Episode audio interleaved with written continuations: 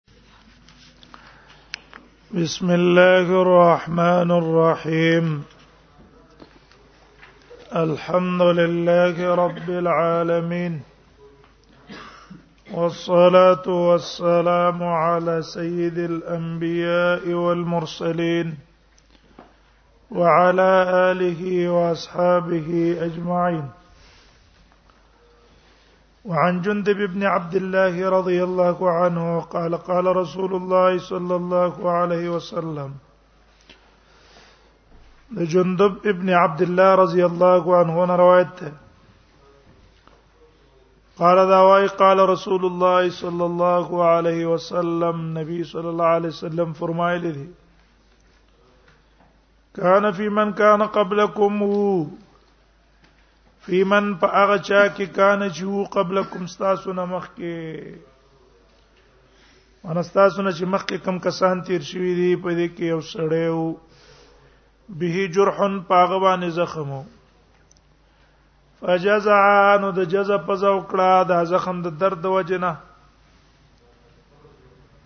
فاخذ سکینا راوی غستل چاړه فحز بیا یده نو پریکړه پاغي باندې لاس خپل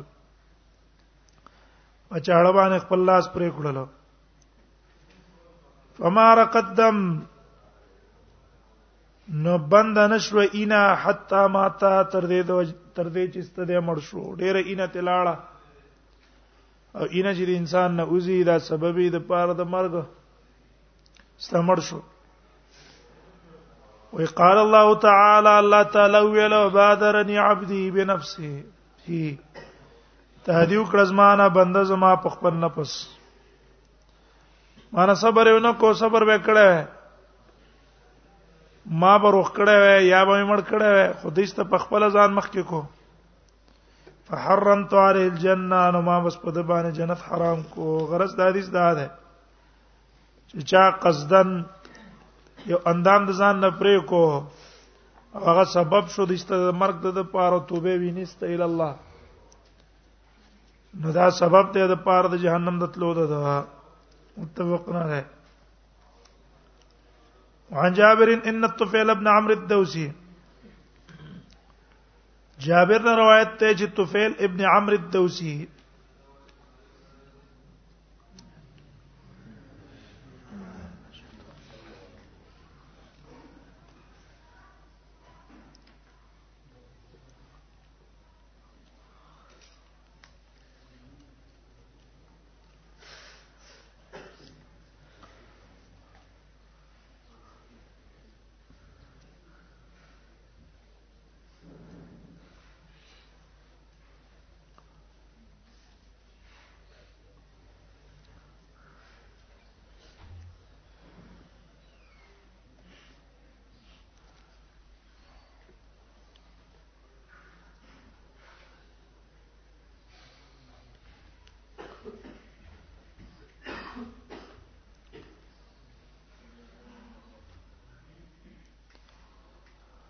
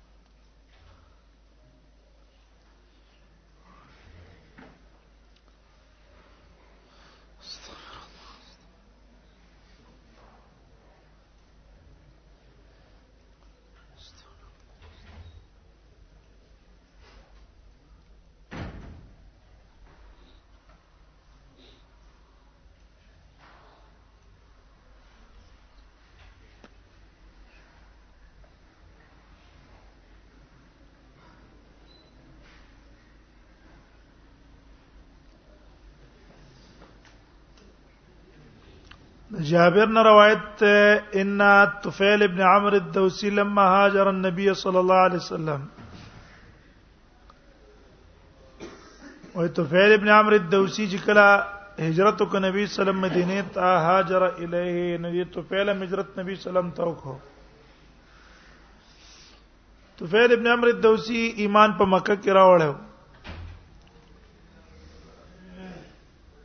مکه ته دی وی راغله او مزه نو مکه مشرکانو کسان مقرر کړیو په غلارو چې مکه ته راغلي وي او په هغه کسان کې نوولي چې څوک با حج یا عمره لراتلو ندیو با کې نول او د نبی صلی الله علیه وسلم په خلاف به غوګونو لړکول طفیل ابن عمرو الدوسی د دیم غوګونه ډک کړو وزه چراله مکی مشرکانو ماته د نبی صلی الله علیه وسلم بارک کی ویل چې ګوره دا ساحر دی جادوګر دی وای ما چې نبی صلی الله علیه وسلم ولیدل او بیت الله خاص ولاړو مانځتا وګونه کې مې ګوتې ورکړې چرته خبر روان اورم وي بیا مې ځان څه ویل ورته خو خيار سره شعر کهانت هر خبره پیژنې ولې دې غوګونه کې دا کوتي ور کړې جلره مې کړې د نبی صلی الله علیه وسلم تلاوت مې واورېد ډېر مې خوښ شو ثواب نه فارغ شوم نبی صلی الله علیه وسلم ترالم او نبی صلی الله علیه وسلم ماته تلاوت کو د قران ما په ایمان نه وړو او نبی صلی الله علیه وسلم تی ویل چې اې دا الله نبی ما خپل قوم ته دعوت د پاره ولېګا هلاکت دا اوس ما دعوت د پاره ولېګا دغه صحابه کې بسم دواره مزاج د دعوت پیدا کېدو یره دا خبره خډه قیمتي خبره ده خنور تر سوال غواړي څنګه د یمن ته لاړو نو کور ته نه وتلو خزي تیل ستا خبرې په ما حرامي تر څو پورې پر رسول الله ایمان نه راوړل مور او پلار ته هم د قصي ویل نور قام قبیل ته دعوت پر کو خود سره څوک مرګري نشو د دوباره نبی سلام تراغه نبی سلام ته چې اې دا الله نبی هلکت دوسن دوس تباشو دعا وکړه الله نه چې تبای کی نبی صلی الله علیه وسلم اللهم دې دوسن یا الله دوست هدایت وکا ما ته راواله بیا ابو هريره هم د دوست قبيله ده ورستو په خوم کال کې بیا راغله ده چې نبی صلی الله علیه وسلم مکه نه مدینه ته هجرت وکړو نو دا طفیل ابن عمرو الدوسیم د یمن نه راغی دا معنا ده لما هاجر النبي کله چې هجرت وکړو نبی صلی الله علیه وسلم النبي فعل د هاجر د پاره الى المدينه مدینه ته نو هاجر الیه هجرت کو دي طفيل هم الیه عمر ته د نبی سلام ته مد وهاجر ما هو رجل او هجرت کو د په مرګرتوب کې یو سړی من قومه د قوم نه فمرض استدا سړی بیمار شو ها جوړ شو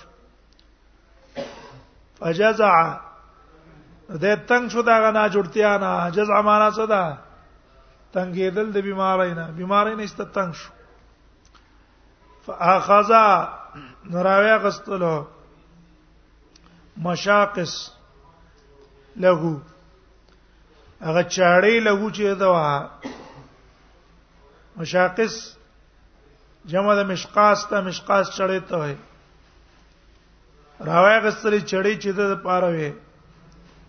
فقطع بها براجمه د پریکړې په هغه باندې براجمه سرونه د ګوتو خپل براجم دلته مراد څه دي جمع د برجمه ده مفاصل الاصابع چوتي د ګوتو د سرونه د پریکړه فشخبت يداه نو اینا تو روانه شو یداو د لاسونو نه شخبت معنا څه ده و به یولو ویني لره لاسونو د دې پسینه تی روانه و روانه و روانه حتی ما ته تر دې چې دې مړ شو مکه خو علاج د بندیدو نه وکړه اوس خدا سہولتونه راغلي چې سم دواره وګنډي او رګونه بند کی چینه ته نه راوځي او کې خدای علاجونه نه وو زیات نه زیات داغلو اور باندې نو افهامات استعمال شو فراو طفیل ابن عمر ولید در طفیل ابن عمر فی منامه خپل خوب کې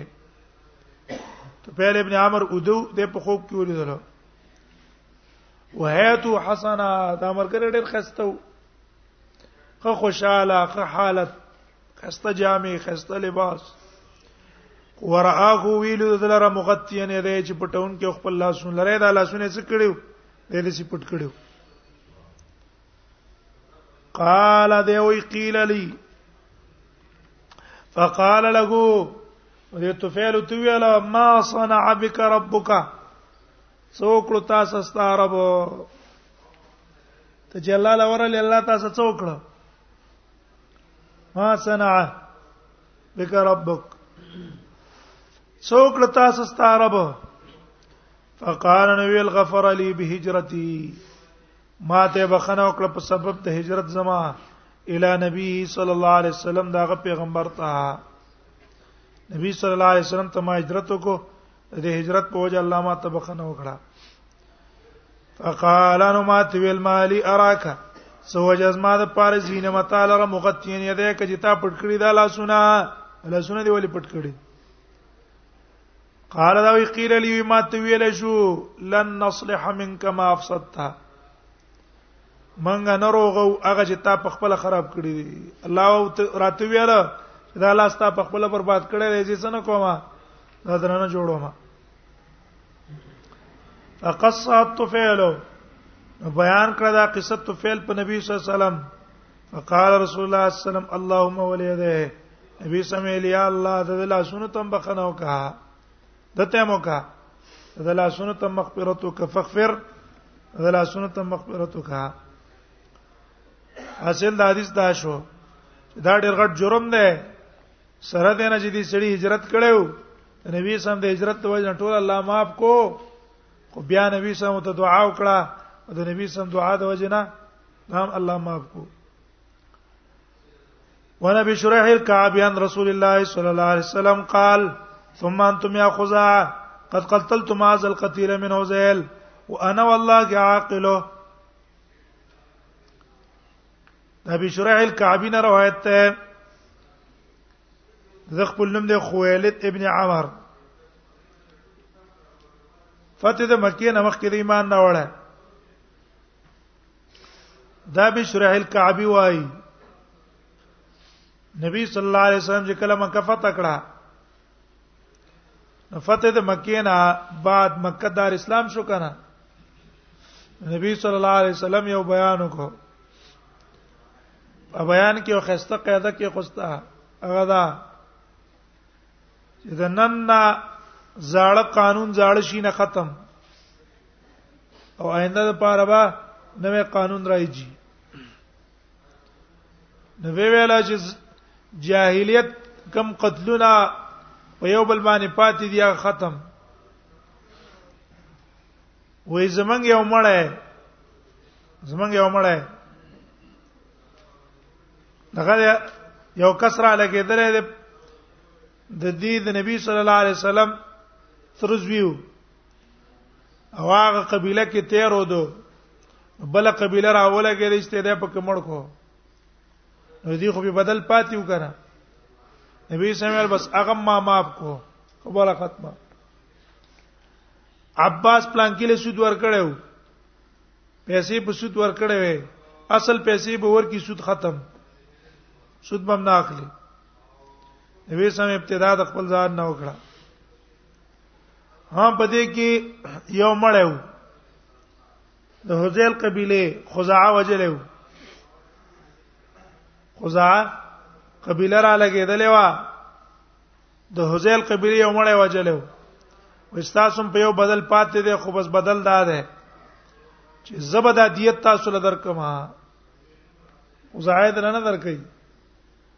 او تاسو ته نه قبل وای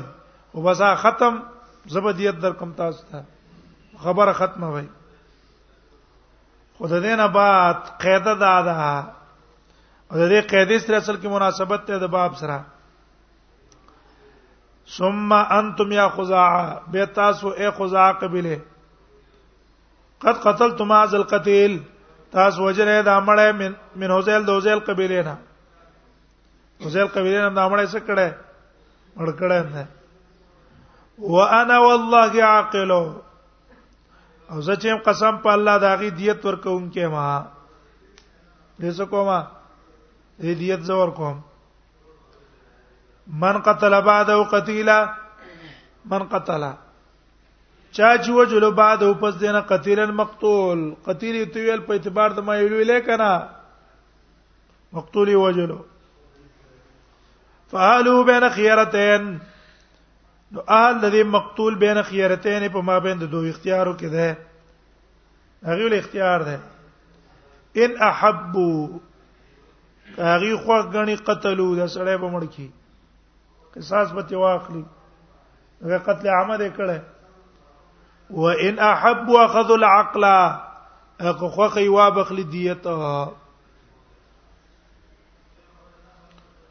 فالو بین خیرتین په دې حدیث کې یو مسله غدا ده چې ګور نبی صلی الله علیه وسلم وايي چې اختیار د دیت او د قصاص د اولیاء او د مقتول لپاره د قاتل لپاره کې هیڅ اعتبار نشته که قاتل وای اے ورثه د مقتول وای چې منګه دا سړی نه منډکو بس موږ له دیت راکی او قاتل وې دیت نه در کوم ما قصاص کوي نو د قصاص د قاتل قصاص لب خبره له اعتبار نه اختیار بچا لې ورسود مقتول له وی ولف اهله بین خیرتهن او دا مسله اختلافي ده د علماو منځ کې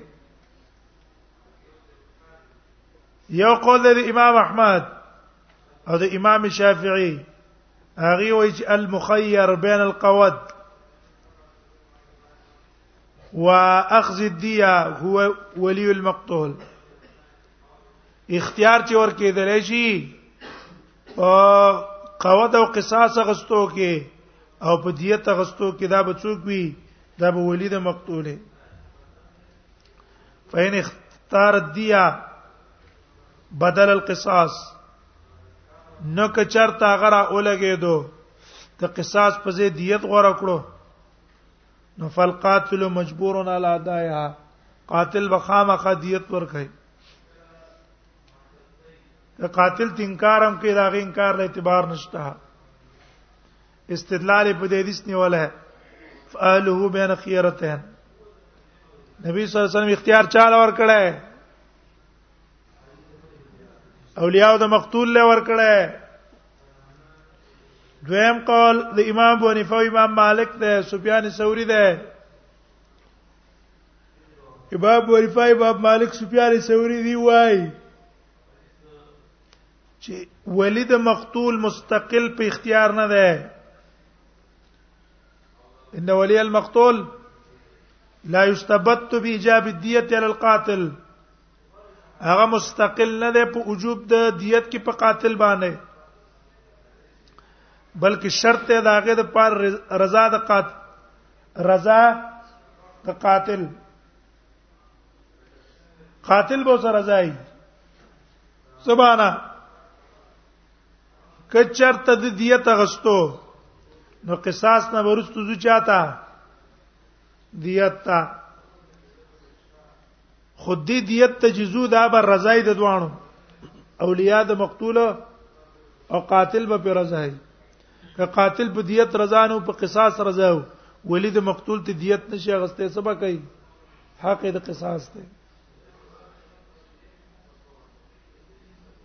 دی استدلال نیولې په حدیث د مسلم امام مسلم راوړی دی باب حجه صحه الاقرار بالقتل یوتن راوستل شو نبی صلی الله علیه وسلم تو ویلا چې هل لك من شيء توديه ټیک ده دا سړی تا وجلې ده نو څه ششتره چې دیت کې ولور کې تودیه من نفسک نو طریقه د استدلال دا ده ګوره اول نبی صلی الله علیه وسلم د چانه ته پوسو کو قاتلنا چې هل لك من شيء توديه کچرتا رضا د قاتل له په اعتبار نه وي د دنه تپوس ولې کو په کار دای چې ول ته پوسې چا نه کړه وې ولید مقتول نه ته پوس کړه وې کنه اول دنه ته پوسو کو چې ششته دیت کته به دیت رضا کیږي چې ولید مقتول پیسې کما هغه څه خبر او کما ولې نه معلوم شو وې ته پوسې د ولینه ونه کړو بلکې د قاتل نه وکړو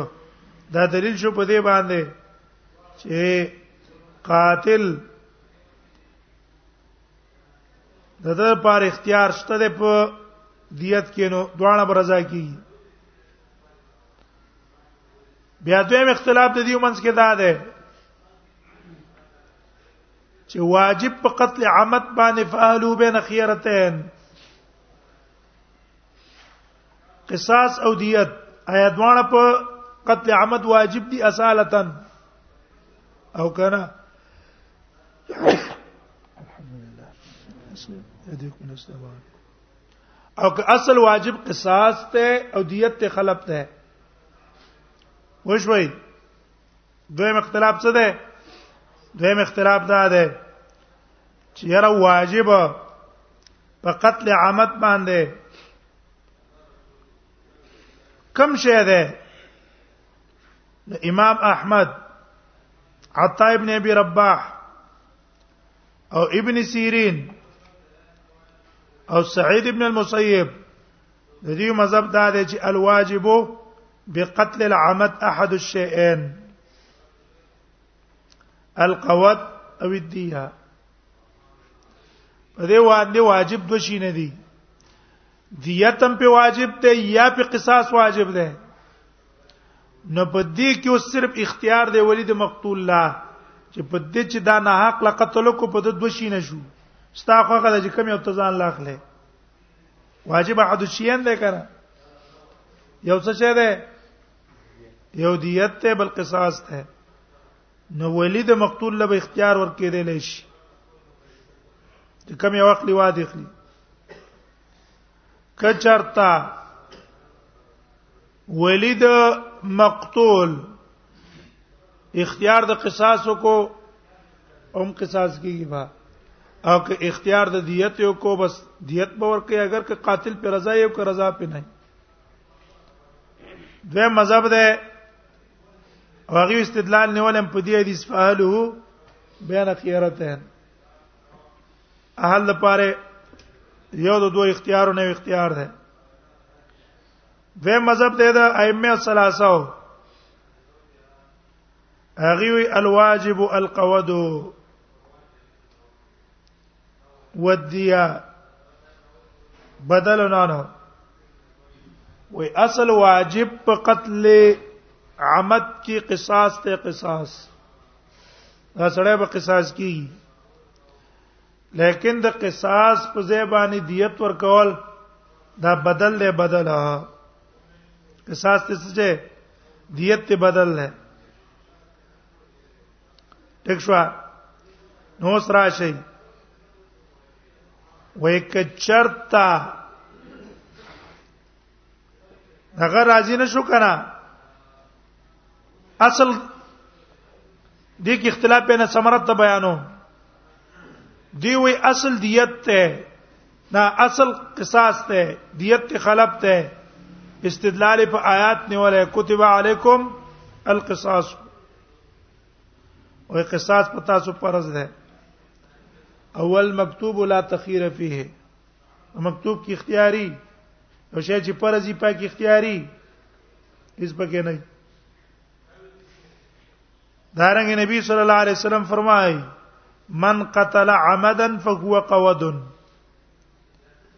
چا چې قصدن سره مړ کړو فهو قود دا به قصاص کیږي ګور من قتل عمدا فهو قود هم معلوم شو چې سبې په دې باندې د باندې به قصاص راځي او سمره د خلاف څه ده اصل دا دی او کدا ده نو سمره د خلاف هغه دې کې راوځي سمره د خلاف بین القولین اوله مسله غمخ کې تیر شو چې کله واجب احد الشیئین شي واجب احد الشیئین شي نو ولید مقتول را اولګېدو رضا شو په قصاص قاتل به قصاص کی اگر که پر رضا نه او که ولی د مقتول راضی شو په دیت قاتل نه په دیت غستل کی اگر کاغه پر رضا په دیت نه اگر کاغه رضا په قصاص ته جزې د قصاص شمه سه دیت نشته چې درې کم هم سبا کیږي ولی د مقتول له اعتبار یو سماره د خلاف شو ټیک شو نو سماره دقه شو او احناب احناب چې وای او یا دا نور علما چې وای چې کم یو شی دی اصل اصل شی دیت ته واجب دیت نه قصاص ته دیت ته بدل لې چې اصل واجب قصاص شو نو پاک رضا د قاتل اعتبار نشته هو اوس چې ته قصاص نه کې او چرته زی دیت تزي بدل تزي بدل تبرزات قاتل لسی اعتبار وای یو خبره باندې ورسېده دویمه خبره سمره د خلاف غدا ده یو سړی دی را ولګېدو یو تن لاس پرې کو خیلاس دنه به خیلاس پرې کی کنه به پرې کی یا دا راولګي یو تنه قصدن عبدن مړ کو او چې قصدن عبدن مړ کو دا هغه نه ستړځ دي چې خو روان چوس کې ډن د قاتل موټر و مړ کو مړ شو یا د چا چې چانه لاس پرې کو دره لاس است پرې کړ شو په بل شي کې نو اولنی قول والا وای چې واجب احد الشیئین نه کنه ده څه ده احد الشیئین ده نو ټیک د په فواد د محل باندې فواد دیت ناراضي اوس کاغه سړی چامړ کومال به په دې مال کې به څه واخلي دیت به څه واخلي د سړی چې چانه لاس پر کړو دا خې او دا د خیالات ماشين او یا گاډي کې لاړو یا ببل شي کې تلاړو یا بل چاتی وو او د دې اصل هغه کس چې کوم نه مجنی دا هغه په بدله پاتې ده کنه چې ما قصاص فوت شو نو کم شې شو دیت به تخلی وې شوې کې پوینه شوې ونه راځي دی د د د خلاص پر کولو کنه اوس خیال اشته ده نه نو څه به تی واخلي دیت به تی واخلي یا چپ لاس ولا پر کړو چپ لاس پر کولو اوس نشتاغه سترګې تستلې وا او سترګه د په خپل وتلې ده زبا کوي دیت پته ځکه واجب احد شین ده کنه ده چې هغه نشته نو دا بل خوشته کنه دښ شو او دا دویم قول والا د دویم قول مطابق دا غي په نسبت باندې چې سړی قتل یو کو غړځي شل تلاړ موټر و مړ شو محل فوت شنو اصل څه شو قصاص قصاص د چا نه اخلي دیت دغه خلب ته کنه خلب ته چې اصل نشته خلب کم ځای نه قائم شي دغه په ځای یا د دغه نه خلاص پرې کړو د دنه خپل خلاص لاړو ابا خلاص پرې کوس خلاص ته دی نه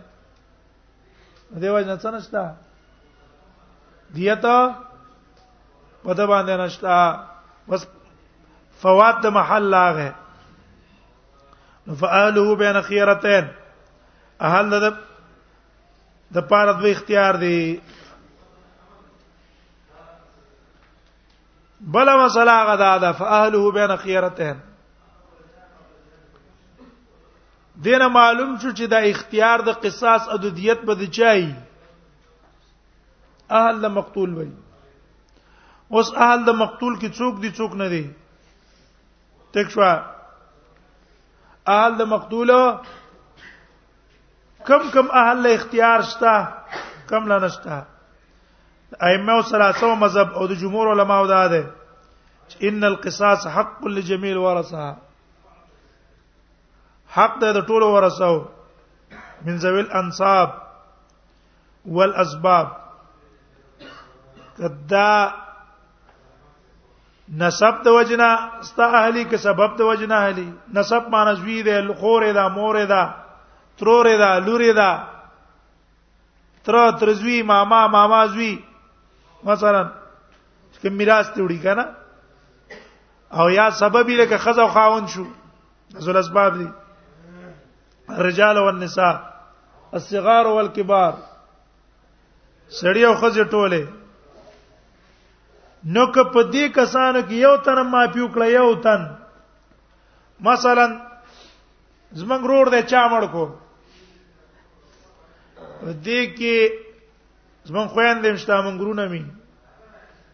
اس تزبنګ دی یو ورور ویل یاره پرې دی بس مونږ ته دیت نه دیت ته اخلو قصاص ته نه اخلو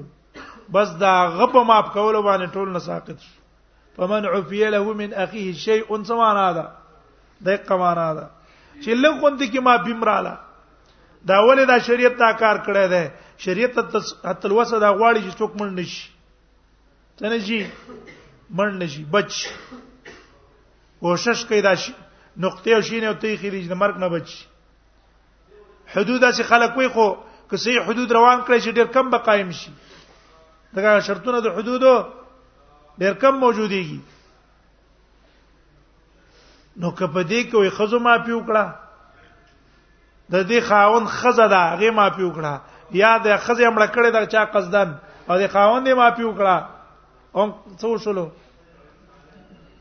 اسقاط راځي پوهیږئ کنه دلیل په څه ده دا حدیث ته فعاله بین خیرتین اهل د په بابین د دوه خیرتینو کې ده او دا لفظ د اهل شامل له ټول ته تر دې چې د شړی خزم اهل لا ولې حدیث د هکې راځي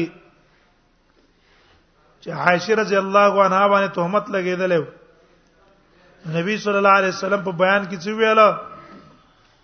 نبی صلی الله علیه وسلم ویل من يعذرني من رجل بلغني اذاه في اهلي